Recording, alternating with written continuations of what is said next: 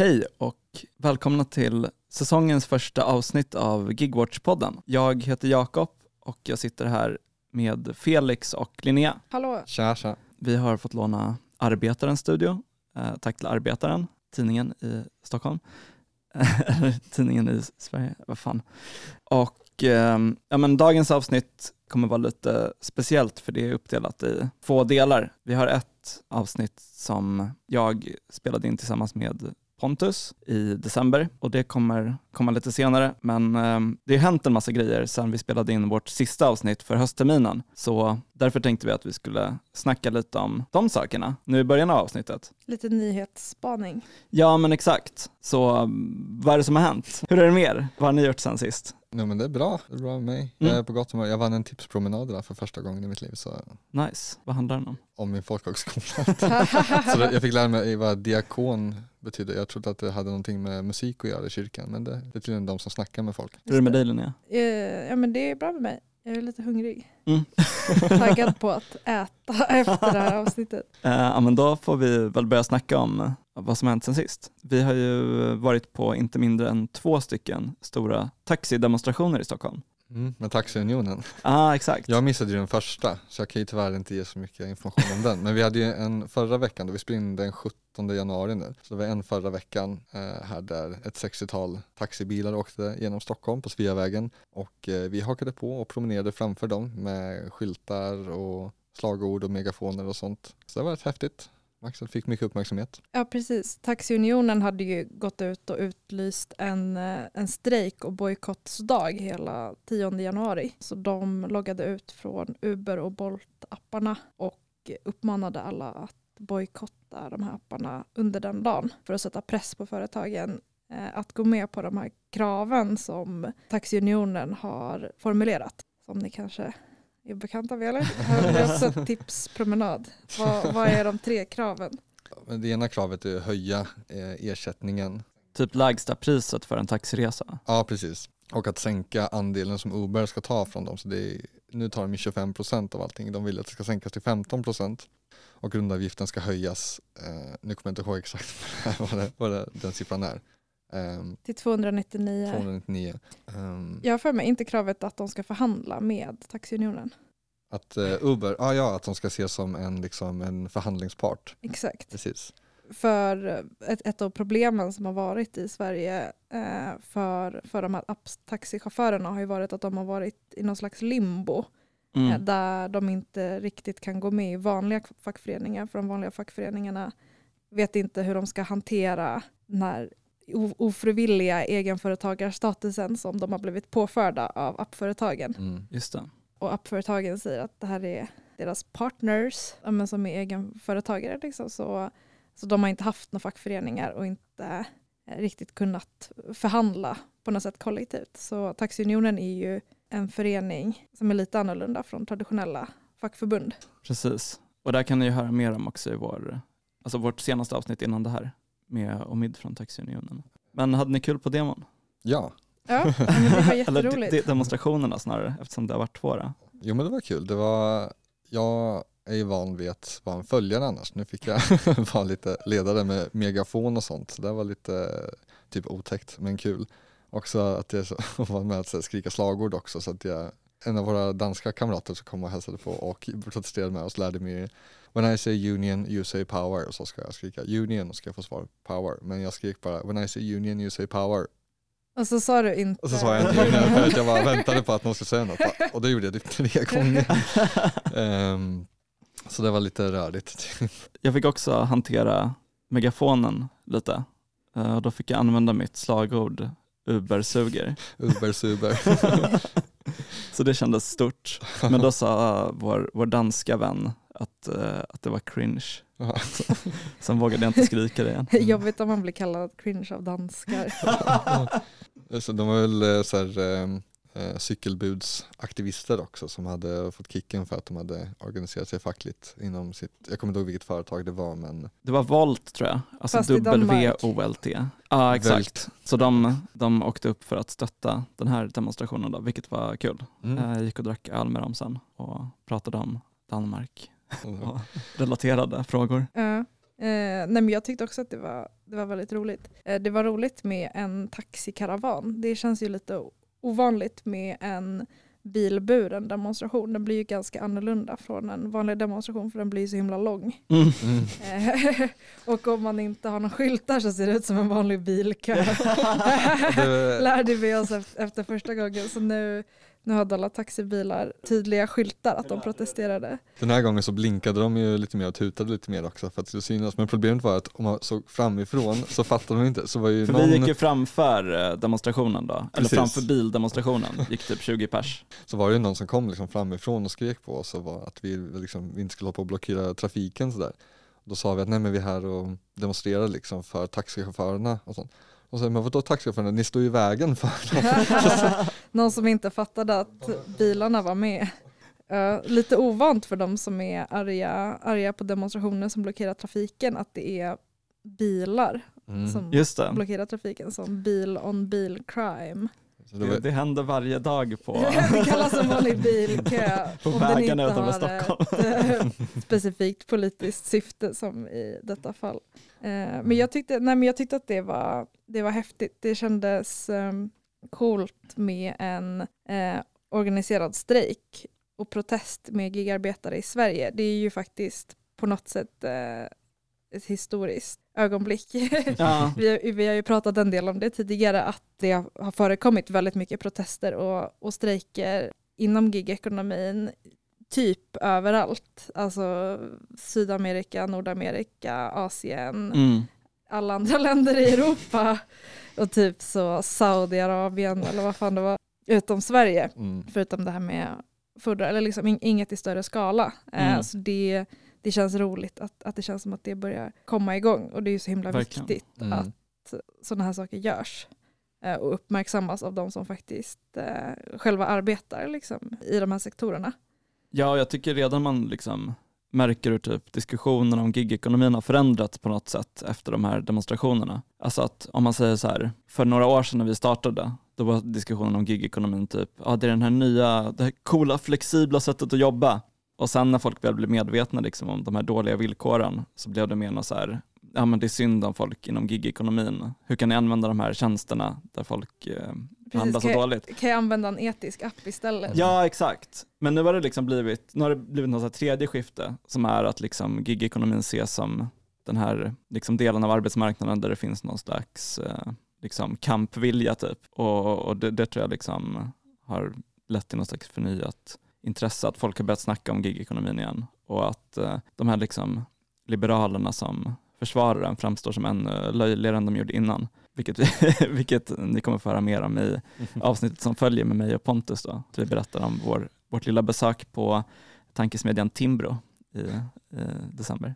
Ja, men jag tycker också att det, um, det märks eh, vilket avtryck det gör just att gå ut på gatorna och, och protestera. Det ska väl också nämnas att ett av kraven eh, som Taxiunionen har ställt eh, har de redan delvis fått igenom. Att de har varit inbjudna till möte med Uber och, och kunnat prata med dem eh, och, och förhandla liksom, face to face, vilket de ju inte har gjort tidigare. De, de, har, de har inte fått något svar alls. Mm. Eh, men de har väl känt sig pressade antar jag av all den här uppmärksamheten eh, som har blivit. Ja, verkligen. Jag tror John från Taxiunionen var ju med dagen efter demon så var han med på Nyhetsmorgon också i tv också. Så syns massa i olika tidningar och sånt. Så det är verkligen nått ut till liksom större media. Ja, men, och jag, och jag tänker att det visar förutom på, på det här direkta att eh, man, man vill sätta en press på de här specifika företagen att de ska förbättra sina villkor så är det ju också ett, så tydligt ett effektivt sätt att påverka opinionen. Nu har jag inte hunnit läsa den artikeln men jag såg att Grön Ungdom hade publicerat en debattartikel där de går ut och stödjer Taxiunionen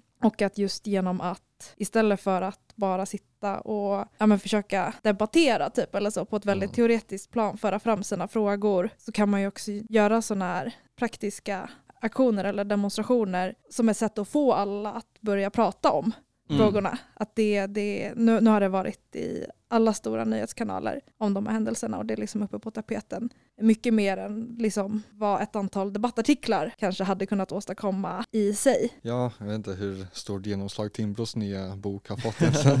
Eh, Men de kör väldigt mycket bra online-kriga liksom för att få igenom sina sin opinionsbildning, sitta på Twitter och sånt där. Så det känns ju som att ja, en liten aktion, eller inte så liten egentligen, på ett par timmar så där ute på stan kan göra så mycket mer än att ska bara skriva och skriva i sina egna tidningar. Just det, och de blev ju verkligen så rasande när den här demon drog igång. De här luffkillarna liksom. Just det, som skulle åka extra mycket Uber till skolan den dagen för att äga, äga alla som strejkar. Exakt. Vi fick också kändisbesök i demon. Just det, vem, vem var det som eh, var med?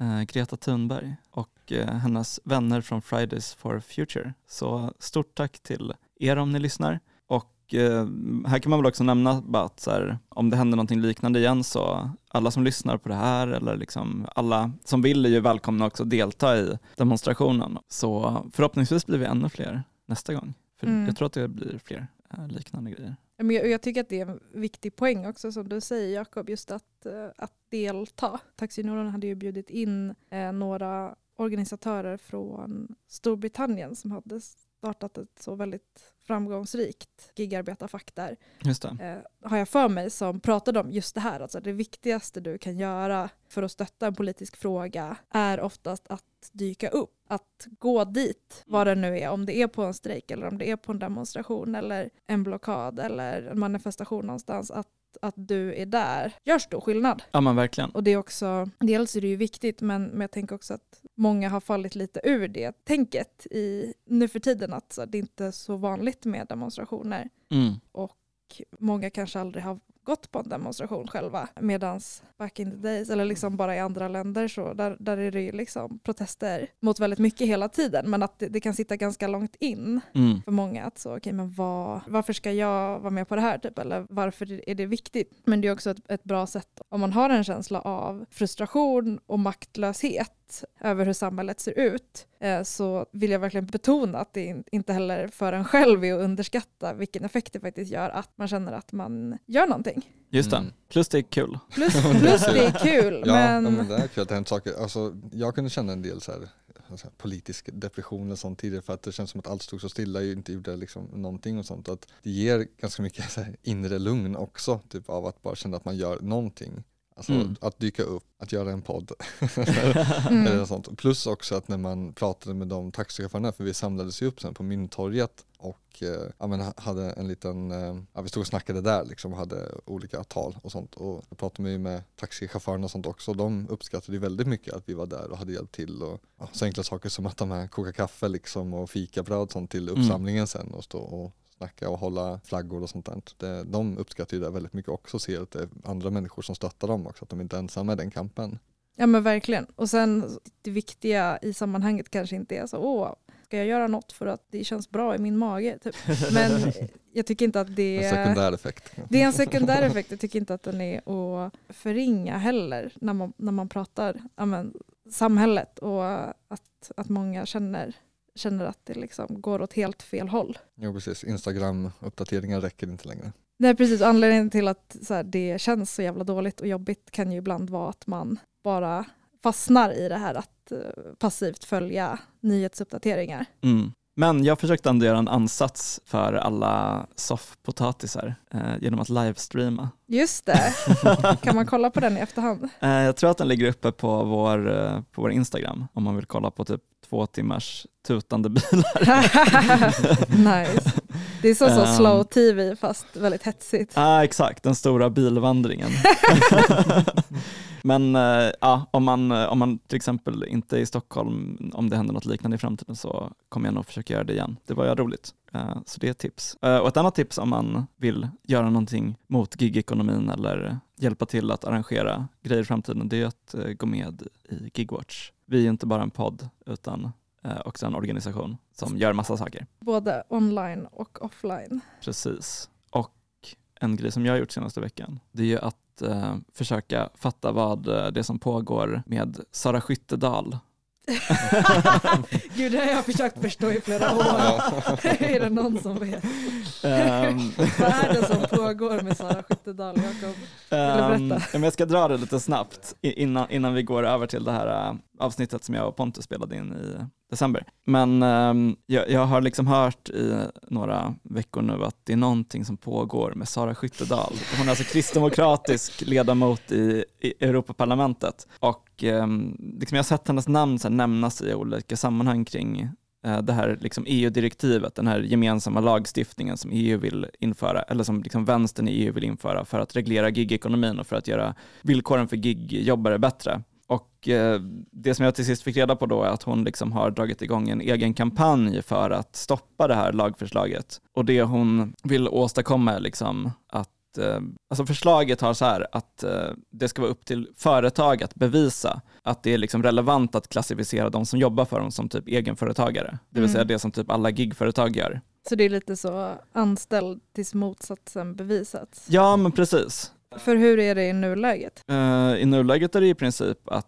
du alltså, kan vara så egen, klassad som egenföretagare tills motsatsen bevisas. Det vill säga tills du har så drivit en typ domstolskampanj mot företaget, vilket typ ingen har tid eller råd att göra. Speciellt inte om man jobbar typ så 70 timmar i veckan med att köra taxi. Det är svårt om alla personer som jobbar på Uber ska behöva driva en juridisk process typ. För, ja, att. Eh, för att få vara taxichaufförer och inte enskilda partnerentreprenörer. Mm, verkligen. Men det vill då Sara Skyttedal Eh, den här svenska kristdemokraten eh, stoppa. Liksom. Så hon har kört ut någon så här namninsamling och nu verkar hon ha fått igenom någon så här omröstning som eventuellt då kommer leda till att det här förslaget röstas ner och kommer behöva arbetas om och enligt alla som jag har snackat med kommer det då bli liksom någon slags urvattnad version där det inte ens är säkert att det här, den här bästa delen, liksom, eh, anställd till motsatsen bevisas, finns med. Så um, det är en grej man får följa under våren, liksom, vad som händer där. Ja, för den här eh, omröstningen liksom, som hon höll på att dra igång nu, det var väl typ nu igår som det var liksom någon slags deadline för. Ja, jag försöker följa det här också, jag är lite svårt att hänga med. Det är mycket antingen på, typ, på olika språk och sånt där. Ja. Så det... Nej, men det är det. Ja, precis. Det är det jag har gjort de senaste dagarna, försökt så här avkoda det här sjuka EU-språket som man inte fattar någonting av till normal svenska. Uh, men är det inte ganska sjukt, eller så här, det här är ju ändå lagstiftning då som skulle påverka hela EU, mm. eh, som en svensk politiker går in i och liksom ja. aktivt motsätter sig, men det är inget som har rapporterats i svensk media. Alltså eller? bokstavligen ingen media har skrivit om det här förrän vi skrev om det. Och nu har Arbetaren skrivit en artikel, eh, vi får se om det kommer upp i någon annan annan press. Men jag tycker att det är helt galet liksom, för att det, mm. jag har fått ta mina källor från typ dansk och tysk press uh. och lite så här engelska typ projekt som liknar Gigwatch som håller koll på gigekonomin. Men det är ingen i Sverige som har rapporterat om det överhuvudtaget, uh. vilket ja, det är jättekonstigt. Är det någon som vet vad som pågår i EU? Jag tror inte det. Jag tror att alla har samma problem som jag. Nej det kanske är. Men det, det känns verkligen som att det är ett eget litet universum typ, med egna, mm. egna regler som ingen utomstående fattar. Ja men verkligen. Håller på med. I Belgien, som bara, det är liksom Europas sjukaste land. men, men alltså om den här eller lagförslaget skulle gå igenom, mm. vad skulle det innebära liksom, för folk som jobbar i gigekonomin i Europa? Ja, men det skulle innebära att man liksom får en mycket starkare position mot gigföretagen, att man erkänns som liksom anställd. Uh, och då kan man också organisera sig fackligt mycket enklare. Just det, så som de här uh, apptaxichaufförerna i Sverige inte har kunnat göra. Ja men exakt, så det kommer ju vara en jättestor förändring. Och Eh, Eh, det är ingenting som liksom de här gigbolagen är glada för. Och um, det, det, kan man också nämna att uh, Sara Skyttedal har liksom haft väldigt nära kontakter med liksom, lobbyister från gigbolagen. Och de mm. satsar ju otroligt mycket på lobbyism i Bryssel också. Uh, vi har skrivit lite inlägg om det på vår hemsida. Men vad då så hon är betald typ av Uber eller vad betyder det? Ja men det kan man väl inte riktigt veta så. Men liksom. vad är liksom. lobbyism liksom? Men det kan ju lika gärna handla om att, liksom, att företag skapar bra kontakter med en politiker och att man får ut andra saker av det än pengar. Typ årskort på Bolt. Nej, fan, eller att man liksom kan... Eh, sälja ut sig för ett årskort. Eller, eller att man kan liksom få ett jobb där sen. Eller, alltså nu säger jag inte att, att någonting av det här gäller för Sara Skyttedal. Men, eller charterresor till Little St. James eller så. Ja exakt.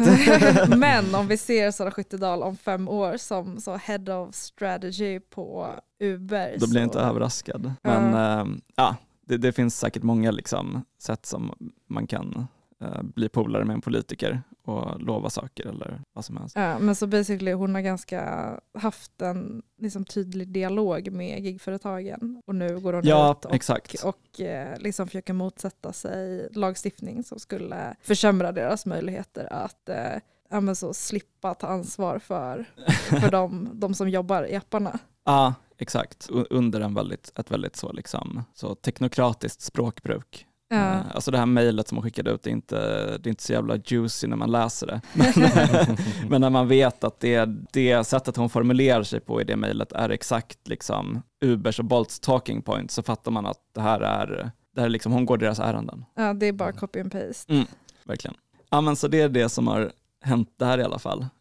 Eh, nej, men jag tror att det är liksom, jag tror att det är väldigt viktigt att eh, den här typen av demonstrationer och aktioner fortsätter hända för att också, alltså inte bara för att få upp liksom gigfrågan som en så mediadiskussion utan också för att politikerna faktiskt ska se att eh, folk eh, kommer göra motstånd om de fuckar upp för dem. Folk eh, är inte nöjda och glada över att behöva jobba så 14 till 16 timmar per dag Exakt. till halva priset mot en vanlig taxi. Mm. Och där kan man ju också dra, liksom, vi, vi spelade in det här avsnittet med Åsa Plessner i höstas. Och där märker man ju väldigt tydligt att liksom, det är någon slags eh, missnöje och och liksom att, att lärarna gör motstånd på något sätt. Att det är det som har fått upp den frågan på den politiska agendan. Liksom. Just det, för Åsa Plessner är aktiv inom skoldebatten eller vad man säger. Ja, Ja, tankesmedjan exakt. Balans där är de från. Och nu har ju de två lärarfacken, och var, eh, borgarna och svikarna, eh, vad som hon kallar dem, eh, gått upp och blivit ett fack. Eh,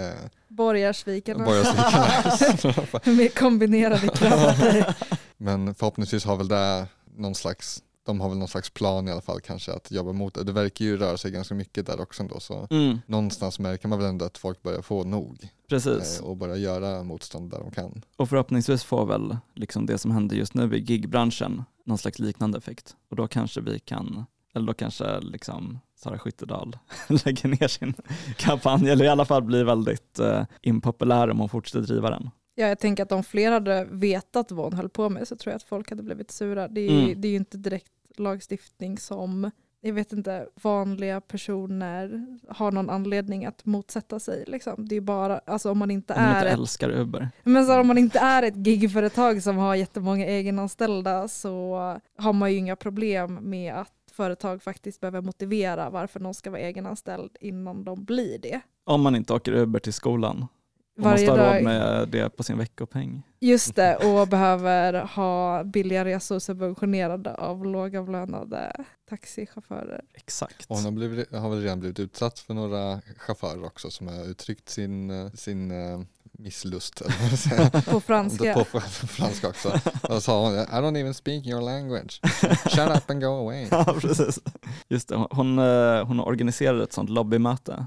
Jag tror att hon var organisatören bakom det. I EU, eller Ja, EU exakt. är inte en plats. Eh, Eller var det det? I Bryssel? EU, Europaparlamentet. Jag tror att det ligger i Bryssel. Pratar de franska där? Eftersom han Eh, franska. ja, Det är väl inte ens ett in på vad fan de officiellt pratar i. Belgien. Ja, Vad hände där då när hon organiserade lobbymötet? Eh, ja, men då kom det in en eh, så, eh, eller det, det var liksom en fackligt aktiv så taxichaffis och typ så här facklig organisatör som eh, bestämde sig för att gå på det här mötet. Då. Han var inte inbjuden, men eh, det var väl kanske öppet för allmänheten, eller i alla fall så var dörren olåst.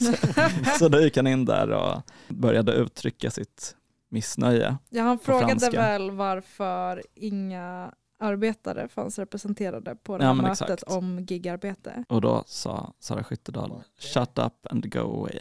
Ja, det var ju ett bevingat citat i den här artikeln du har skrivit ut Jakob. Eh, alltså artikeln i Arbetaren då, Ja. för er som inte sitter här vid vårt poddbord just nu. Jag pratar inte ens ditt språk. Gå och håll käften. Kan- Det kan man ta med sig. Att Exakt, hon säger. precis. Ja, men ehm, då går vi vidare till eh, mitt och Pontus lilla inslag om vårt besök på Timbro och deras eh, bok om gigekonomin. Till gigekonomins försvar. Exakt. Det blir kul att höra. Ja. Mm.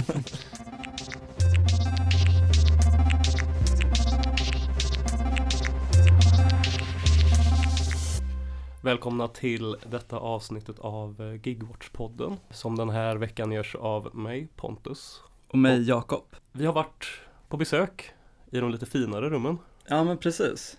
i, i förrgår, eh, nu när vi spelar in. Eh, Men det här avsnittet kommer släppas lite senare, så det är december nu. Och vi har varit på Timbro.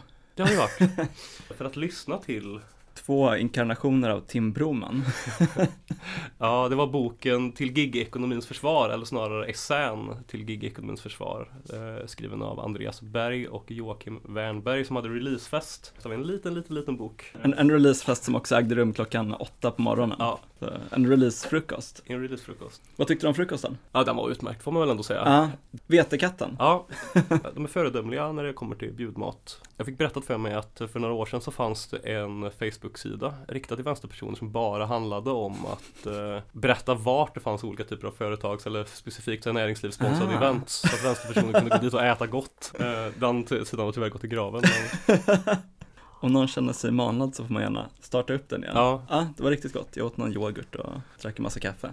Och vi var ju där ganska tidigt, så vi Ja. hann eh, stå och mingla lite. ja, vi minglade ju lite med Benjamin Dosa och med eh, Bolts. Vad var han? Hon var väl pol typ så här policychef för Bolt i Skandinavien eller någonting. Hon var väldigt sugen att prata med folk som var, eh, hade en kritisk eh, liksom, vinkel. Hon högg hungrigt på alla som var där, som var någon typ av forskare eller liksom kritisk eh, liksom. Ja men verkligen. Det var först gick hon fram till oss och snackade och sen så efter så högg hon tag i någon forskare från Karolinska institutet. Ja, typ. exakt. Nu var vi där en vecka efter den här första taxidemonstrationen. Mm, Jag kommer ihåg att hon sa det att hon tyckte att det var bra att de hade demonstrerat. ja. Vilket jag tar med en stor nypa salt då, men eh, det är väl det som är en PR-persons funktion liksom. Att få företaget att se så bra ut som möjligt till så många olika grupper som möjligt. ja, men hon var väldigt, hon var väldigt såhär, ja det är jätteviktigt så här, jätteviktigt att folk går ut på gatan och gör sina röster hörda. Det är super. Men det var väl också ganska kännetecknande för hela den stämningen där och kanske boken också. Att de var lite så här, ja men eh, vi tycker inte att vänstern är onda, de, det är jättebra att de bryr sig om gigarbetares rättigheter, men eh, här är varför de har fel typ. Ja, det känns ju verkligen så som att, att de känner att det är lite prestigefullt att ta en vänsterkritik på allvar. Mm. Men det är väldigt tydligt att det här för dem är liksom en laboratoriemiljö. Det är liksom gigekonomin eller samhället eller politiken i allmänhet. Det är inte det på riktigt utan det är ett seminarium som man ska förhålla sig teoretiskt till och kritiskt till. Och det, ja. Har du något eh, exempel på där du tyckte att det, det blev tydligt att det var så liksom? Nej men jag, jag tycker att det i relation kändes väldigt mycket som ett så här A-nivås universitetsseminarium i det sättet på vilket de så här debatterar en fråga utifrån liksom en vänsterposition och sen utifrån eh, positionen från någon konservativ höger. Just det, de lyfte ju upp eh, lite den här debatten som vi var inne på också i ett tidigare avsnitt. Alltså anti-gig-högern, den Ja, liksom konservativa strömningen mot gigekonomin, som är ju väldigt så, alltså Wikipedia-ideologi. Så högern för någon slags eh, organisk, eh, fungerande samhällskropp eller Mm. whatever. Det är liksom inte en riktig grej heller, det är också en skrivbordsprodukt liksom. Ja verkligen, och, och i bok eller i scen så exemplifieras väl den här positionen i princip enbart av Ivar Arpi och en till typ, eller Just ett det. avsnitt av deras podd mer eller mindre. Mm, Johan Wenström heter Ja, han, det var han vi snackade om i det här tidigare avsnittet då. Och det som det handlade om, det som de tog upp, eller som de tar upp i scen är väl Svenskar, inom citationstecken, vill inte få sina skor putsade på Drottninggatan av någon liksom underklass liksom. Just det. Det är väl liksom deras argument. Mm. Att gigekonomin på det sättet, att det är moraliskt. Eller att det är omoraliskt. Och det är då inte omoraliskt för att eh, människor exploateras utan det är omoraliskt för att vi tycker att det är smutsigt. Liksom Mm. Vi är i, från Ivar Arpis eh, blick liksom att vi som tillhör den här liksom eliten som Ivar Arpi känner att han tillhör. Vi vill inte få våra skor putsade för att vi tycker att det är smutsigt. Så det, är så, det, det oetiska kommer ju liksom, det är ju en uppifrån och ner oetisk liksom grej snarare. Men hur jag ska uttrycka det. Men det är så uppenbart i alla fall att problemet, det som är oetiskt, det är inte på riktigt är exploateringen. Utan det som är oetiskt är att behöva se den. Det är det som känns dåligt för dem. Ja just det. Lite, som den här kritik, liksom kritiken mot tiggeri som har varit att tiggeri är dåligt för att det utsätter svenskar för Ja men att man konfronteras med fattigdom. liksom. Exakt, på ett sätt som vi inte liksom eh, förtjänar typ. Nej men alltså det, det är inte som att folk skulle ha något problem med en sån här gig-app där någon kom och tog med sig en skor och lämnade dem en timme senare putsade. Exakt. Det är i relationen med en annan människa som man inte, man tycker att det är lite jobbigt Ja, att eh, vara privilegierad. Det är väl det det handlar om, kan jag tänka mig. så där kanske de har en poäng ändå, eller hur? Men i alla fall en väldigt så obskyr strömning som, som får en del plats i boken. En grej jag tänkte också kring den här liksom stämningen där, att den var väldigt så liksom försonande på något sätt, eller liksom vi ska mötas över gränserna. Det är att den, den påminner väldigt mycket om hur olika gigbolag har liksom interagerat med Gigwatch ända sedan vi började. Att typ gigföretag har hört av sig till oss sagt vill ni komma över på vårt kontor så kanske vi kan prata lite, hitta någon medelväg, ta in lite vad ni tycker. Mm. Eh, vilket vi alltid då har sagt nej till liksom, för det är ju liksom, det är inte så politik bedrivs. Eller det, det, det är inte någonting som kommer förändra någonting. Liksom, förhoppningen från deras sida är väl att det ska, på något sätt ska avväpna kritikerna genom att eh, göra en till liksom en del av samma sociala sammanhang, eller den här liksom filosofi A-kursen liksom. Alla ska hänga på, på klassfesten liksom. Och um, på något sätt kan jag också se det som ett sätt att liksom dämpa de negativa konsekvenserna för de här företagen av att de flyttar fram sina positioner så otroligt starkt. Alltså någonting som gäller typ alla techföretag. Det är en take jag läst någonstans, jag kommer inte ihåg vart det är nu. Det kan vara i den här uh, Nick Cernick Platform Capitalism. Eller så är det någon helt annanstans.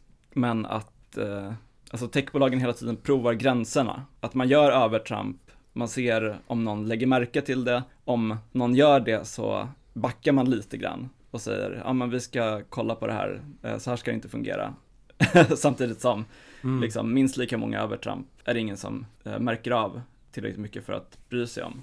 Jag skulle gissa att, den, eh, att du syftar på Surveillance Capitalism kanske av eh, Shoshana Zuboff. Den har jag inte läst, Okej, så för- det kan vara någon som har upprepat en take från den i någon annan text jag har läst. För den liksom den tesen är helt genomgående Ah, hennes bok okej, i, okej. hur, i hur Google, eh, Google och Facebook har på något sätt lyckats rigga upp den här stora liksom, övervakningsapparaten Mm. som har varit här två steg framåt, blir stämda, Mm. rullar tillbaka ett steg och samtidigt som hela rättsprocessen pågår och man så här symboliskt backar tillbaka från de mest, mest så här perversa övervakningsmekanismerna så har man redan rullat ut tre nya liksom eh, för som är olagliga på något annat sätt liksom. Ja men Eh, precis. Och det känns väl, eller jag fick lite känslan av att den här liksom viljan att mötas på mitten, Ja, den har sitt ursprung i att man redan har flyttat mitten Ja, väldigt ja. långt åt det hållet man vill flytta den åt. verkligen. Och då passar det bra att mötas där liksom.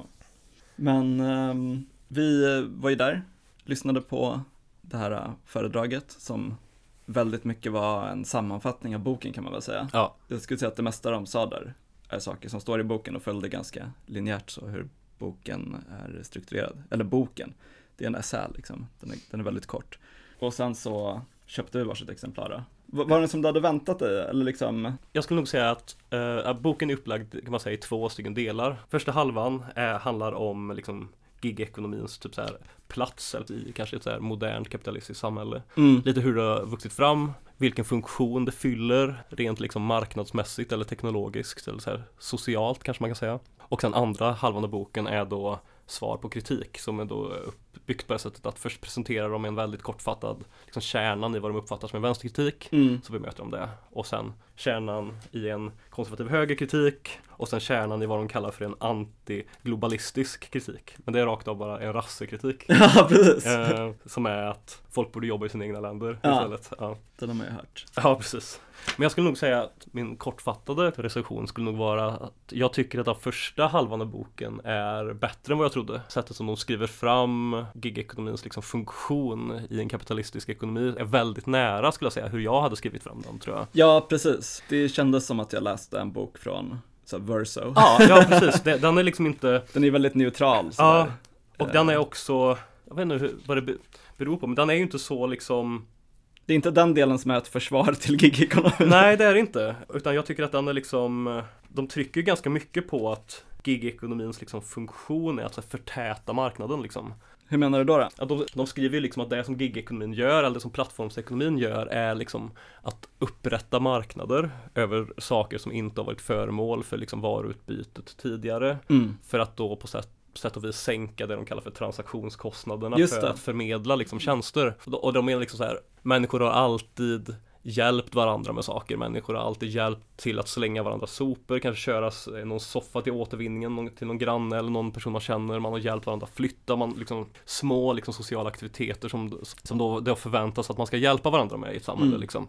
Det gigekonomin gör, menar de då, är att den inhägnar detta och gör det till en marknad och på det sättet så gör de kostnaderna i både tid och resurser för att liksom koppla ihop de som behöver få saker körda med folk som kan köra. Liksom resursåtvinningen som går åt för att liksom förmedla de här liksom kontakterna de minskar. Det är en ganska vanlig grej inom nationalekonomi att prata om just i termer av transaktionskostnader. Liksom. Men det är liksom det man kanske skulle, om man skulle översätta det till något så här vänsterspråk, Ja. då kanske man snarare skulle prata om att man intensifierar någon slags marknadsdynamik eller Exakt. marknadslogik. Ja, Att liksom allting går mycket snabbare. Precis. Eh, Man tar bort trögheter i marknaden och gör att den liksom blir mer dominerande Ja, i exakt. samhället eller i människors liv. Liksom. Och marknaden kommer närmare liksom, den enskilda personen. Den blir, tränger djupare in i liksom, den sociala väven kanske man kan uttrycka det som. Och, och de skriver det öppet också. Kanske inte just i de termerna. De, Men de tycker det är bra. Ja precis, ja, det är det som är skillnaden liksom. Att, eh, de kallar det för en förtätning av marknaden. Mm. Och så hade det kunnat beskrivas i en Verso-bok bok också. Mm. Liksom. Bara att då hade det varit eh, underförstått att det var dåligt. Men här är det underförstått att det är bra. Ehm, Det var väl en av de mer så här dystopiska saker de sa under det här samtalet, att eh, de pratade lite om så här, ja men eh, det finns ju också folk som bara hjälper varandra utan att det finns några liksom vinstintressen och så, typ det finns appar för att rasta varandras hundar och sånt. Men liksom, ja men det där kommer ju gradvis trängas ut av liksom betalappar typ. exakt. Och väldigt okritiskt liksom, som att det var någonting positivt. De skriver exempelvis så här. Nätet och digitala plattformar gör det möjligt att allokera och matcha arbete mer finkornigt i uppdragsform. Tekniken gör det möjligt att efterfråga utförandet av arbetsuppgifter mot ersättning även när dessa inte kan buntas ihop till en anställning, vilket borgar för en effektivare arbetsmarknad. En effektiv arbetsmarknad för vem är ju en ganska relevant kritik att ställa då. Mm.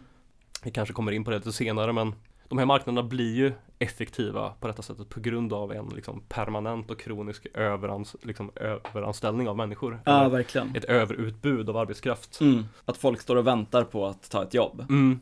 Så då kan man erbjuda den här liksom just in time eller eh, liksom on demand jobben Ja, som hela gigekonomin går ut på liksom. det är nog min största kritik i sak skulle jag säga. För om man bortser från alla så här normativa och politiska liksom, implikationer som man kan eh, diskutera sen när vi kommer in lite på kritiken och sådär också. Ja, så tycker jag det som de har, om det är någonting de har fel med i sak så skulle jag kanske hävda att detta inte alls är effektiva marknader liksom, på de premisserna som de själva stakar ut. De tar ju upp TipTap som ett exempel liksom, på hur TipTap då har effektiviserat så här, leveransen av liksom, förflyttningen av varor från en plats till en annan, att de har effektiviserat liksom, sopåtervinningen eller återbruket av eh, liksom, produkter i samhället. Där tycker jag att de är liksom väldigt biased för att de befinner sig på den ena sidan av den här marknaden. konsumentsidan. De är på konsumentsidan av denna marknaden som upplevs som extremt effektiv för att en minut efter att du trycker på en knapp så kan någon komma och hämta dina varor. Och detta möjlig- möjliggörs ju av att det är ineffektivt på andra sidan. Just det. För varje tjänst som utförs så finns det 20 personer som står på standby Mm. och redo att ta det här jobbet. Och det är ju, skulle jag säga, en extremt ineffektiv allokering av arbetskraft om man Verkligen. ska tala i deras liksom nyliberala språkbruk. Att Men i, här- ja. i praktiken att folk typ sitter i bilen, väntar på att ta något uppdrag, hinner inte klicka på det, sitter i en timme liksom, kör iväg någon skit i tippen, sen upprepar sig samma sak Ja, liksom. ja, exakt. Och detta tyckte jag också gick igen när vi pratade med hon eh, Bolts eh, VD. Inte vd. Nej, precis. Eh, Eh, policychef ja, eller vad det var. Ja. När vi pratade lite om EU-direktivet och eh, så frågade vi henne vad det hade inneburit för Bolt om EU-direktivet så här presumption of employment hade gått igenom liksom när, när alla anställda hade liksom, om inte motsatsen bevisas, varit anställda direkt av Ja. Bolt då. Det som de vill införa just Ja. nu, men som eh, går väldigt långsamt som allt EU. Ja, väldigt exakt. tråkigt. För hon menar ju att det hade ju gjort eh, som deras företagsmodell omöjlig. ja, för då måste man avlöna de här 20 personerna. Ja. Och det är ju ett tecken på att det här är inte en effektiv marknad liksom. För att hade det varit effektivt, då hade de haft råd att betala människor för hela deras arbetsdag. Ja, gigekonomin är effektiv för att den har flyttat liksom maktbalansen mellan arbete och kapital så långt åt ena sidan så att eh, det blir jätteeffektivt för användarna för att man helt och hållet har liksom styckat anställningstryggheten för den ena sidan. Mm. Och sen kan man ju klä det i termer att ja men folk vill inte jobba, folk vill bara ta ett gig här efter jobbet eller efter sitt vanliga jobb eller Mm. efter att de pluggar bla bla bla bla men det, är inte så en- effektivt som de vill ge sken av skulle jag säga. Nej, verkligen inte. Men okej, boken heter alltså Till gigekonomins försvar. Vad skulle du säga är deras liksom försvarspunkter? Och lyckas de försvara gigekonomin? Nej, det, alltså det är såklart att inte vi tycker det Men det känns som att väldigt mycket av deras svar ändå är uppknu, uppbundna till liksom tanken om eh, klassresan och meritokratin Deras default-svar är ju så här Jo, jo, men om eh, inte de här gigbolagen hade funnits som hade kunnat anställa den här liksom underklassen Vad hade de gjort då? De stackars små liven Ja men verkligen. Det är verkligen den, eh, den linjen som går igenom i många av deras svar Ja men det är verkligen den här, äh, ett dåligt jobb är bättre än inget jobb alls. Det, det finns en, äh, en bra passage här på sidan 55. Eh, De människor som giggar har antingen valt bort ett annat jobb, giggar som extrajobb eller giggar för att de inte kunde få ett annat jobb. I inget av dessa fall har giggandet bidragit till att försämra deras situation. Det, är ju sant, för det, eller jag vet inte, hur ska man förhålla sig till det? Alltså det är ju sant, men eh, grejen är ju att det känns som att de försvarar gigekonomin på premissen att gigekonomin i sig är problemet, snarare än att det är liksom att det finns problem i samhället som har lett fram till att vi har gigekonomi. Till Ja. exempel då att man liksom har en avindustrialisering, att man har en eh, liksom framväxande låglöne tjänstesektor och liksom arbetslöshet eller att folk inte kan arbeta så mycket som de vill. Det är ju det som egentligen är problemet. Gigekonomin är ju, i, i deras syn, så är det lösningen på problemet. Medan i vår syn kanske man snarare skulle se det som ett liksom sätt att utnyttja problemet för att tjäna pengar. Men jag, jag tycker det blir ett ganska tunt försvar liksom. Och jag ser det som att de liksom har tre stycken main försvarspunkter liksom. Och det är väl lite om man bortser också från de här vanliga som är typ att det, det är effektivt för kunden. De tar inte med här nu. Men då har de för det första liksom att människor gillar att jobba i gigekonomin. Alltså alla som jobbar i gigekonomin gör inte det för att de är förtryckta eller för att de inte kan hitta ett annat jobb. Och alla som jobbar i gigekonomin lider inte 100% av tiden. De lyfter till exempel fram ett citat av Anders Teglund från hans bok Cykelbudet, som är typ så här att han pratar om att han gillar att cykla. De, de missar lite att lyfta fram också att hela boken handlar också om att de organiserar sig fackligt och mot Foodora liksom. Men då lyfter de det, att liksom, det är inte en plåga 100% av tiden. Vilket också är så här, finns det något jobb som är det? Kanske att vara typ barnarbetare i en gruva liksom. Ja. Men eh, det är ju väldigt få jobb som inte har någon så positiv faktor. Utan oftast så är det väl just villkoren i ett jobb man är emot. Inte Ja. alltid men eh, Det är väldigt svagt försvar får man ändå säga. Ja, precis. Och sen den andra punkten skulle jag säga att människor gynnas av att jobba i gigekonomin. Och då är det ju just kontrasterat mot liksom att inte ha något jobb alls. Eller att typ behöva ett ännu sämre jobb. Och då är det bättre att jobba i gigekonomin. Vilket också, jag är inte helt övertygad av, av det försvaret. Men sen så har de också lite, alltså de tar ju upp några problem som de också erkänner är problem. Och då handlar det ju om till exempel så här algoritmisk arbetsledning och att det finns den här isoleringen mellan kollegor, alltså man har inte kontakt med folk som jobbar på samma företag och man är isolerad genom den här appen. Det finns inga kommunikationsvägar till kollegor eller till chefer heller för den delen. Och då har de ju en ganska smart sätt att bemöta de här problemen. Och det är att de säger att eh, de här problemen kommer gradvis försvinna för att eh, apparna kommer behöva konkurrera mot varandra om personal och då kommer de behöva göra apparna så bra som möjligt att använda helt enkelt. Ja, just det. Det är intressant för att det går ju också emot en annan sak som de skriver i boken där de menar att, att monopolställningen hos en plattform inte är ett problem på det sättet som en monopolställning är för ett annat företag. Mm. När de menar att så här, det är ganska naturligt att en plattform får monopol. Om vi tar exemplet med Voi, med elsparkcyklar exempelvis. Om, Ja, Säg att vi, om vi har då fyra stycken marknader, vilket det i praktiken blir. Om vi har Voi, vi har Lime, vi har Bird och vi har, sen har vi en fjärde liksom. Då gör ju det att de, de här är ju inte på samma marknad egentligen, utan de är ju inlåsta i sina egna bubblor, i sina egna gränssnitt, i sina egna appar. Ja. Och för varje gång man introducerar en ny spelare här så klyver man ju marknaden och gör den mer ineffektiv. Om man tänker liksom att det skulle finnas en konkurrent till TipTap om det, säg att det har funnits TipTap 1 och TipTap 2. De här plattformarna är ju egentligen marknader. Så en vara som man lägger upp på en plattform blir ju inte synlig eller tillgänglig på den Just det. andra. Så det går ju emot liksom hela den effektivitetstanken som de själva pratar om genom att Ja. varje ny aktör som konkurrerar klyver marknaden i sin egen lilla bubbla och inhägnaderna liksom separerat från de andra. Och då helt plötsligt har vi de här så kallade transaktionskostnaderna igen, när man måste leta mellan, mellan olika plattformar och gå Just mellan det. marknader för att kunna liksom hitta det bästa priset eller bla bla bla. Ja Liksom. men lite som har hänt med till exempel streamingtjänster. Ja, som exakt. En, som erbjuder en helt annan produkt men också en plattform liksom. Ja. Att det har blivit som det nya kabel-tv liksom. Nu Mm. måste du plötsligt ha skitmånga olika abonnemang för att kunna se tre serier.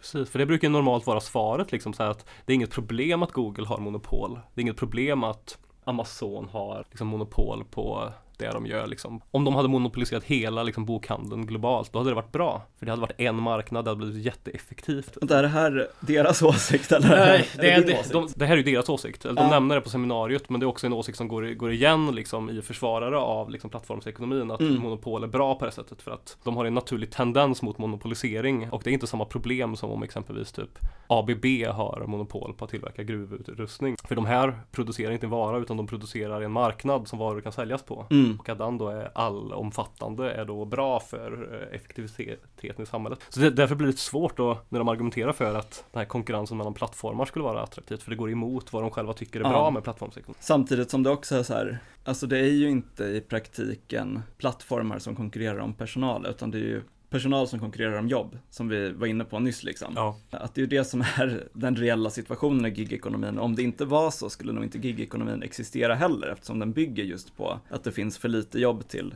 för många människor. ja, Och där faller ju den konkurrensgrejen lite också. Så förutom att det är ett väldigt så hypotetiskt eh, försvar, att de här liksom, problemen i gigekonomin och i plattformar generellt, att det är barnsjukdomar, så är det också en hypotes som känns ganska skakig liksom. Jag tror inte att, att de kommer liksom frivilligt ta bort eh, den typen av funktioner som är till exempel att ja, man inte har någon insikt i algoritmer och så. Det är därför det är så många länder och till exempel EU som vill lagstifta om det. mm, exakt. Så det var de tre argumenten då som jag ser det. Ja, Ska vi snacka lite om deras diskussion av kritik mot gigekonomin? ja, absolut. Ska jag börja läsa upp det de säger som är kritiken från vänster eller? Kör. Men eh, för här lägger de upp kritikens kärna då som att giggandet är otryggt, gigföretagen är cyniska, de externaliserar arbetet och utnyttjar arbetare i en utsatt situation som får hålla till godo med giggandet när de helst vill vara anställda. Och det här börjar ju då eh, med att de citerar eh, Valerie Kuhn Backström i Expressen. En artikel, en kulturartikel som hon skrivit där hon menar att appjobben förvandlar människor till billiga varor. Arbetare har blivit varor utbytbara, billiga, tillgängliga i överflöd. Det kan man ju säga. Alltså att man, man håller med om den kritiken Mm. såklart. Men jag kanske skulle tycka att den kritiken eh, mer är en LO-kritik. Liksom. Att den tar avstamp i att man ser den svenska modellen som den liksom, attraktiva och det goda samhället. Liksom, på sätt. Där människor inte är varor då liksom. Precis, det, jag vet det är lite svårt. Det är såklart att människans arbetskraft är en vara och Mm. alltid har liksom varit i liksom det här produktionssättet på något sätt. Personligen så tycker jag att ett av de stora problemen är liksom marknaden som etableras av plattformsekonomin. Att Mm. de här sakerna inhägnas, att saker görs till varor. Och jag tycker att det är en sak som lite missas liksom. Att det handlar väldigt mycket om att de tror att om vänstern bara hade fått sina kollektivavtal så hade de varit helt för gigekonomin. Att det handlar liksom bara om att, eh, att det underminerar liksom eh, den svenska modellen på något sätt. Alltså när du säger de menar du författarna till Essan då? Eh, ja, exakt. Ja. Eh, att de får mycket kritik av typ Arena. Liksom. Mm. Att det kommer från ett så socialdemokratiskt håll. Nu vet jag att Kim Backström är en liksom, vänsterperson liksom. Och hennes kritik tycker jag inte riktigt är samma som den som de sammanfattar på sidan innan. Du tänker att de har missuppfattat lite eller? Ja, precis. För att det de säger innan det är att så här, de nämner att kritikens kärna är att giggandet är otryggt. Men det är inte det som Valerie trycker på efter utan att liksom att saker varufieras liksom. Att arbetare har blivit billiga och tillgängliga i överflöd. Hennes kritik är mer, struk- mer strukturell liksom än den som de tillskriver vänstern. Mm. Och den som de också bemöter kanske Mm. kanske jag skulle tycka. Vad tycker du om liksom vi har pratat om det innan i andra avsnitt också men den svenska modellen i relation till gigekonomin är ju en ganska relevant sak att prata om ändå. Ja men verkligen. Alltså på något sätt, den svenska modellen bygger ju helt på att det finns en maktbalans mellan arbetarsidan och eh, arbetsgivarsidan. Och, och att den här maktbalansen är relativt liksom jämn, relativt konstant, eh, ingen kan riktigt köra över den andra. Och, och grejen med gigekonomin är ju att den bygger på en situation där det är en otroligt skev maktbalans. Alltså där det finns väldigt många människor som liksom måste konkurrera mot varandra om väldigt få jobb och där det är hela liksom affärsmodellen. Det är så man, det är så man anlitar folk. Man anlitar för många, fler än det behövs, för man kan göra det. Eh, Och det skapar ju en situation där arbetsgivaren sitter på otroligt mycket mer makt än arbetstagaren gör. Och där funkar inte den svenska modellen. Och det ser man ju så tydligt i liksom Foodoras kollektivavtal. Att de bara kunde gå runt det hur som helst. Helt enkelt för att det fanns inte tillräckligt mycket möjligheter till att göra motstånd mot det. Nej. Och, och där blir det intressant för att jag tror att man i Sverige, även inom vänstern, även inom mer radikala delar av vänstern, har en syn på arbetsmarknaden som liksom olika institutioner som fungerar nästan som någon slags myndigheter typ. Men det är någon slags underliggande dynamik som har förändrats som gör att det inte funkar längre på samma sätt som det gjorde i ett liksom, industrisamhälle, i ett tillverkningssamhälle liksom. Ja exakt. Jag är ganska svårt att se, även i det liksom rent hypotetiska exemplet att LO verkligen hade gett sig fan på att organisera gigekonomin och säga att de hade uppnått någon form av så här 70% organiseringsgrad bland gigarbetare och de hade fått till liksom de här kollektivavtalen. Mm. Det är såklart att det hade gjort villkoren bättre för, för gigarbetare men man kan fråga sig, är det liksom Är det verkligen det vi vill ha liksom? Mm. Jag tycker på något sätt att eh, plattformsekonomin och gigekonomin på ett mycket mer här, systematiskt sätt skapar ett samhälle som jag tycker är dåligt Mm. än att arbetare inte har kollektivavtal utan det, det liksom handlar om vad det gör med ett samhälle att allting eh, förmedlas via marknader liksom. Att vi köper varandras tjänster på den liksom, systematiska skalan liksom. Mm. liksom. Det är på två nivåer. Dels så är ju gigekonomin eh, designad på ett sätt så att den svenska modellen inte kan funka. Mm. Men jag tänker ändå att om den hade funkat så hade det fortfarande varit någonting som man hade behövt göra motstånd mot liksom, på en eh, mer så här, strukturell nivå. Liksom. Det sättet att organisera samhället på. Liksom. Mm. Och det är väl inte en jätte så här sjuk tanke heller. Nej, nej, Jag menar, verkligen det, inte. Det är väl eh, liksom när vi hade den här, eh, det här industrisamhället, den liksom vänster som fanns då var ju eh, ofta skeptisk till, till det liksom. Alltså man var för sex timmars arbetsdag och mot tråkiga jobb som man jobbar i hela livet. Det fanns liksom en kritik mot det. Vissa arbeten är värdelösa liksom och de vill vi inte ha. Ja, precis. Det kanske är någonting som har gått lite förlorat när liksom arbetsmarknaden har blivit så osäker. In, inte bara liksom efter att gigekonomin kom utan kanske även tidigare. Och att man kanske har blivit ganska så reaktiv liksom. Mm. Att man vill tillbaka till det gamla istället för till någonting nytt som är bättre. Ja, precis. man har tappat lite visioner liksom.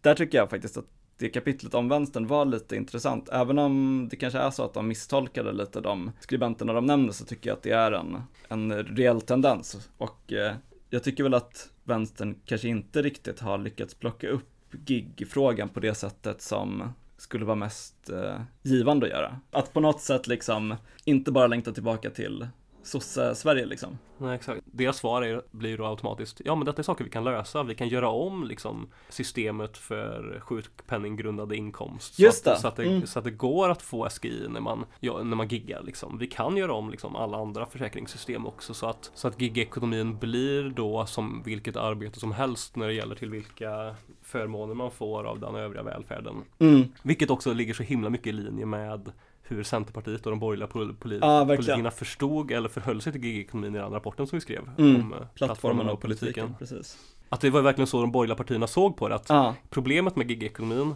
är att vi inte har på, från polit, politikens håll skapat liksom institutioner och liksom system i samhället som gör att gigarbetare kan få ut det de har rätt till av välfärdsstaten. mm. Eh, Så de vill ju då så här integrera gigekonomin i liksom den svenska modellen kan man Mm. säga inom citationstecken att så här, man ska kunna jobba som giggare, man ska kunna vara föräldraledig, man ska kunna eh, nyttja alla de perksen som en vanlig heltidsanställd har. Mm. Trots att man eh, har då en så här icke standardiserad, standardiserad anställning. Vilket på pappret låter eh, jättebra. Men sen när man tänker efter så inser man ju att det på många sätt blir en liksom indirekt subventionering av de här företagen. Ja. För att man accepterar att de inte tar sina ansvar med att betala ut semesterersättning eller sjuklön. Och att det är någonting som staten går in och gör istället. Mm. Alltså det blir på något sätt att så här, staten upprätthåller de här företagen för att de ger jobb i slutändan. Ja. Att de håller arbetslöshetssiffrorna nere. Utan att vi har en diskussion om, är det här jobb som vi vill ha? Liksom? Mm. Är det här jobb som gynnar samhället? Är det någonting som gynnar människan liksom? Mm. Blir samhället bättre av att vi sänker transaktionskostnaderna för att slänga varandras sopor? Nej. Kan vi liksom inte bara slänga vår egen skit? Liksom? Verkligen. Och det är också en grej jag tänkte på efter jag hade läst den här boken och funderade lite på vad de egentligen skrev. Att alla de reformerna som de tar upp där av olika liksom statliga trygghetssystem, de är ju knutna till att man har ett jobb inom gigekonomin. Alltså det är inte som att de föreslår så här alla oavsett om de är, eh, liksom, är i arbete eller arbetslösa ska ha tillgång till statliga trygghetssystem, utan det är liksom de som jobbar på gigföretagen ska ha det och det är saker som liksom företagen egentligen skulle kunna betala för, men Ja. som de inte vill göra. Så det är verkligen en så liksom, under den här äh, välvilliga ytan så döljer sig ett direkt stöd till gigföretagen, Mm. till liksom internationella plattformsföretag, vilket är intressant tycker jag. För det är inte kanske helt uppenbart att man ser det när man läser de här förslagen eftersom de, är, de framstår som väldigt välvilliga liksom. Jag vet inte hur jag ska uttrycka det, men det finns ju jag tycker också att det har det finns ändå någonting som är kvalitativt annorlunda med en tjänsteekonomi i relation till det som tidigare var ett industri, industrisamhälle i hur befolkningen och arbetarklassen struktureras. Att det gör någonting med liksom eh, hur samhället är uppbyggt när man har en varuproducerande ekonomi och å andra sidan en ekonomi som går ut på att ett segment av befolkningen utför tjänster åt ett annat segment. Att det blir en liksom stratifiering av befolkningen som är inbyggd i själva systemet på ett sätt som Mm. såklart att, vi, att det alltid har funnits en, liksom, en social relation mellan en liksom, klass av kapitalägare som liksom ägt fabriken och de som har Mm. arbetat i den. Men tjänsteekonomin på ett mycket mer eh, samhällsnedbrytande sätt skulle jag nog ändå säga skapar hierarkier också mellan människor som befinner sig på samma platser, som rör sig i samma sfärer på något sätt. Att det skapar liksom mycket mer, att det skiktar befolkningen på ett så extremt mycket mer destruktivt sätt som på något Mm. sätt blir, det är, det är svårt att uttrycka exakt liksom vad jag menar. Men jag tänker att det, under 1900-talet så var det liksom en aktiv politik från liksom arbetarrörelsen att Ja. Fasa ut de här arbetena som man tyckte var ovärdiga på, ett, på precis det här sättet. Det är inte värdigt att städa liksom eh, sin medmänniskas hem. För att vi som samhälle kan skapa mer meningsfulla jobb än så här liksom. Ja Vi kan använda vår tid bättre. Sen kanske det varierade i hur meningsfulla Exakt. jobb de, de stöttade ändå liksom. Jag kan väl också säga så här att liksom, om man undrar liksom hur, hur mycket arbetsmarknaden egentligen har förändrats så har, eh, har vi gått från att på 70-talet tror jag att det var, eller om det var 60-talet, så var det en av tre som jobbade i tillverkningsindustrin. Eh, Idag är det en av tio. Och så har det liksom skett motsvarande rörelse i privata tjänster då Mm. som är en ganska luddig kategori liksom. Det finns väl dels de här lågavlönade, det finns också högavlönade liksom. Men det är väl framförallt den lågavlönade delen som har växt till sig mycket under de senaste åren sedan 90-talskrisen. I de här privata tjänsterna var det liksom en av tio på 60-70-talet, idag är det en av tre. Så det- har verkligen skett ett jättestort skifte på arbetsmarknaden. Och känslan är väl kanske lite att eh, liksom arbetarrörelsen inte riktigt har eh, hängt med i det kanske, utan att man fortfarande utgår från en eh, situation så som den var tidigare, delvis i- synen på svenska modellen då. Ja. Det är en sån viktig sak tycker jag av den svenska modellen som har glömts bort som var det handlade liksom inte bara om en relation mellan arbetsmarknadens parter utan det handlade också om något form av inbyggt framåtskri- framåtskridande i det som var Mm. att det som ibland brukar kallas för ren Meidner-politiken som Löntagarfonder. Ja, det, precis, det, det, var ju, det var ju slutskedet av det. Mm. Men det fanns ju också en, det som kallades för den så här solidariska lönepolitiken som eh, var aktiv under efterkrigstiden som gick ut på att alla i samhället ska tjäna lika mycket oavsett vad man jobbar med. Okej. Oavsett vilken bransch du jobbar i.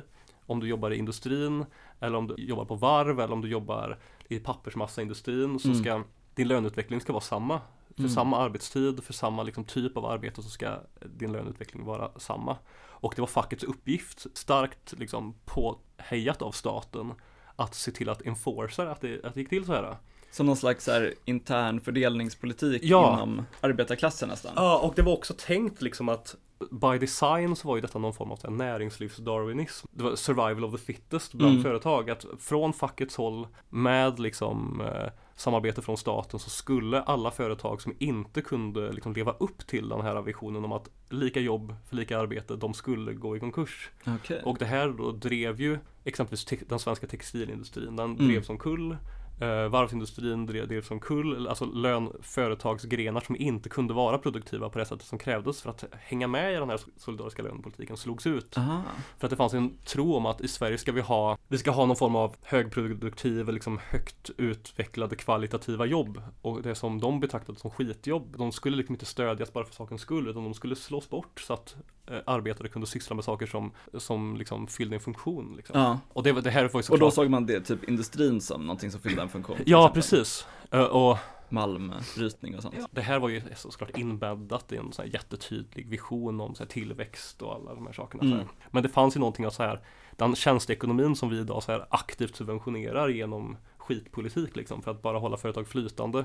För, för några decennier sedan så var det här politiken var den motstånd, motsatta liksom att företag som inte kan leverera en lönenivå på 30 000 kronor i månaden, Mm. de ska de ska dra åt helvete liksom. Och då hade alla de slagits ut direkt Ja, liksom, alla precis. gigföretag. Exakt, de hade slått ut direkt och det hade varit liksom statens och fackföreningsrörelsens roll att sätta dem i konkurs också. Liksom. Mm. Det, var, det var det som drev fram att vi inte fick en ekonomi där företag som kunde sälja tjänsten packa folks kassar på ICA fanns kvar. För att fackföreningsrörelsen skulle inte acceptera att den typen av jobb fanns i samhället för de skulle drivas i konkurs. Liksom. Intressant. Jag känner Ja. inte till den aspekten faktiskt. Men det bygger väl lite också då på att det finns liksom jobb som ploppar upp överallt inom någon slags eh, meningsfull industri. Och det kanske man inte kan säga att det ser ut på samma sätt idag liksom. Nej, man kan ju tyvärr inte det. Eller tyvärr, jag vet inte liksom hur man ska förhålla sig till det. Nej, det, det, det är en sån där liksom tveeggad grej. Det är skitbra om det finns mindre jobb som behöver utföras, men det är ju riktigt dåligt om hela samhället går ut på att man måste jobba för att kunna käka liksom. Ja.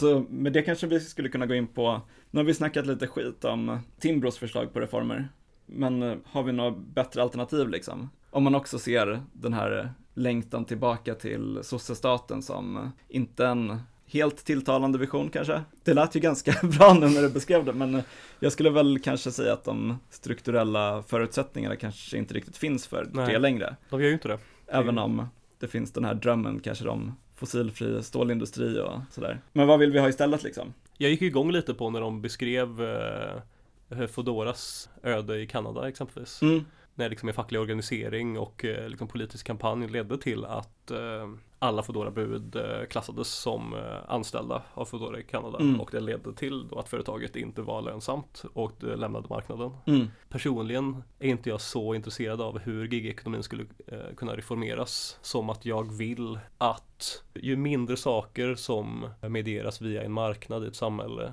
desto bättre tycker jag. Mm. Så jag tycker att gigekonomin eller plattformsekonomin och det sättet som marknader byggs upp på ska göras motstånd mot i sin helhet. Liksom. Och hur gör man det då? Ja, det. Är det fackens uppgift eller? Jag tror att det hade kunnat vara fackens, jag tror att vägen mot dit är kanske helt enkelt att kämpa för att den svenska modellens regler ska gälla för gigekonomin för det kommer göra den olönsam och då, och då kommer den drivas bort från ekonomin. Kanske, jag vet inte. Ja, Det är svårt att men jag funderade lite på det här också då. Och eh, jag tänkte lite på det här med medborgarlön då. Det är inte mitt starkaste kort sådär och jag är inte helt insatt i alla liksom, positiva eller negativa sidor av det. Men en sak som jag tycker att man kan säga väldigt säkert är att om Sverige skulle ha en medborgarlön, alltså en bra version av medborgarlön, inte den här, det finns ju liksom den här nyliberala versionen också, som är typ, eh, alla får en check på 10 000 och så avskaffar man alla så här, sociala institutioner, Ja, eh, privatiserar sjukvården. Men om det skulle vara så här, man får en grundsumma man kan leva på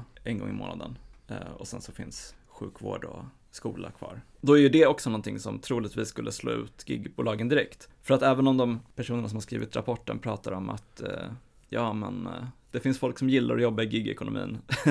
så erkänner de ju själva att det är en väldigt liten minoritet, utan de flesta gör det för att de inte kan hitta ett annat jobb. Medborgarlön skulle ju upphäva den här situationen av att ett dåligt jobb är bättre än inget jobb alls. Då skulle det inte vara så längre helt enkelt. Sen skulle man kunna jobba som cykelbud om man tyckte det var kul, eller om man ville det liksom. Alltså det skulle på något sätt finnas en något större frihet i att välja vad man vill eller inte vill jobba med. Ja. Och jag tror att de här företagen skulle gå omkull direkt i en sån situation. Och det är väl kanske lösningen om man inte vill tillbaka till ett eh, industri-Sverige liksom. Mm. Men ändå inte ser på eh, gigifieringen av samhället och den här stora växande tjänsteekonomin som lösningen heller och kanske ser den som ännu mer exploaterande. Då är ju lösningen att inte ersätta avindustrialiseringen med någon form av värdelös tjänstesektor utan att helt enkelt omfördela resultatet av den krympande liksom, produktiva industrin som vi faktiskt har. Mm. Att om behovet av arbete minskar, då borde vänsters svar vara perfekt. Vi- Exakt. Vi hatar ju att arbeta, det är jättebra liksom. Ja, Då kan vi omfördela liksom resultatet av den lilla industrin som faktiskt behövs liksom. Mm. Istället för att skapa påhittade liksom pissjobb för att liksom upprätthålla någon form av chimär om att alla ska ha ett arbete. Ja, men verkligen. Eller det, det är väl där jag ser att den här äh, lite mer socialdemokratiska visionen från gigkritiker kanske har sina begränsningar. Att den kommer inte riktigt dit till att faktiskt på något sätt omfamna den här förgörelsen av arbete som, som kapitalismen hela tiden leder fram emot. Men där vi med dagens system måste skapa nya arbeten hela tiden. Eller måste skapa, men det liksom uppstår och folk tvingas ta dem för att Ja. kunna försörja sig. Eh, Socialdemokraternas svar på när vi också eh, intervjuade dem inom ramarna för plattformen och politiken rapporten Mm. så sa ju de ju att det är, vi ser inga problem med gigekonomin så länge den eh, eh, lever upp till våra krav på eh, full sysselsättning och eh, kollektivavtal på arbetsplatsen så har vi inga problem. Då ser vi det som eh, positiv ny teknik typ. Mm. Som Då är det ju- inte gigekonomi längre. Nej precis, då är det inte gigekonomi längre. Eh, Så är det ju. En sak som jag tycker ändå eh, är värt att uppmärksamma är hur mycket de trycker på liksom, den merit- meritokratiska aspekten av arbetsmarknaden. Mm. Och detta blev nog mer tydligt skulle jag säga på Timbro-eventet än i själva essän. Att deras universalsvar på all kritik är så här Jo, jo, men det spelar ingen roll hur dåliga villkoren är för dem i gigekonomin för att det är inte meningen att folk ska jobba i gigekonomin hela livet. Det Just här är det. ju en språngbräda in på arbetsmarknaden. Ja. Det är så himla starkt tycker de, det argumentet. Att Mm. För dem är ju arbetsmarknaden hela tiden en social klättring liksom. Från gigekonomin som de på något sätt erkänner är i botten av liksom, den sociala hierarkin. Men alla ska liksom därifrån upp hela Mm. tiden. Men det som är så himla konstigt är att det förutsätter fortfarande att vi har ett segment av befolkningen som alltid befinner sig i den här skiten liksom. Mm. Och är det liksom svaret? Det, det är så himla svårt att eh, Det är så himla svårt att förlika sig med som om att diskussionen som var för några år sedan som eh, Nina Björk tar upp i sin bok eh, Om man gillar frihet, liksom den Mm. boken som handlar om meritokrati så tar hon upp det att men vänta, är problemet egentligen att högutbildade från Iran kör taxi? Är det problemet på riktigt? Eller är problemet att det suger att köra taxi? Liksom? Ja. Diskursen var väldigt mycket så för att Åh, det är så orättvist att den här läkaren har så här dåliga arbetsvillkor inte problemet kanske att personer som kör taxi har dåliga arbetsvillkor liksom. Mm. Det måste hela tiden, det är, så, det är så naturaliserat för dem att några ska ha piss och sen så är det okej för att de är på väg mot någonting bättre hela tiden. Just det. Och om det stämmer eller inte, det spelar ingen roll för de befinner sig i någon sån här teoretisk laboratoriemiljö som bubblar liksom. Ja. Men eh, Och man kan väl säga att det verkar inte stämma, utan det har kommit undersökningar Ja. som visar att liksom ett gigjobb på CV gör absolut ingen skillnad om man har ett utländskt klingande namn liksom. Exakt. Ja, hon, eh, hon som var moderator, som hon accepterade ju inte riktigt det argumentet heller utan hon Mm. sa, ja men då vill ni också legalisera liksom, prostitution. För vad då? Det spelar väl ingen roll hur dåliga villkor det är att jobba som sexarbetare. Mm. Ingen ska väl jobba med att sälja sex hela sitt liv utan man börjar där och sen så kommer man in på arbetsmarknaden så rör man sig vidare liksom så här. Då, då, då blir det mycket svårare helt plötsligt liksom för dem att eh, kunna driva den linjen konsekvent. Just det. För att det trodde de ju såklart inte. Eller barnarbete. Precis, man kan, man kan ju liksom legitimera precis vad som helst med Ja. liksom den här Med den här linjen, det är så, är så jävla trött Trött position bara att ta Jag vet inte, det var väl kanske det sista jag hade att Mm. säga tror jag Ja men eh, tack för att ni lyssnade. Ja, tack, Eh. tack så mycket ha det bra. Ha det bra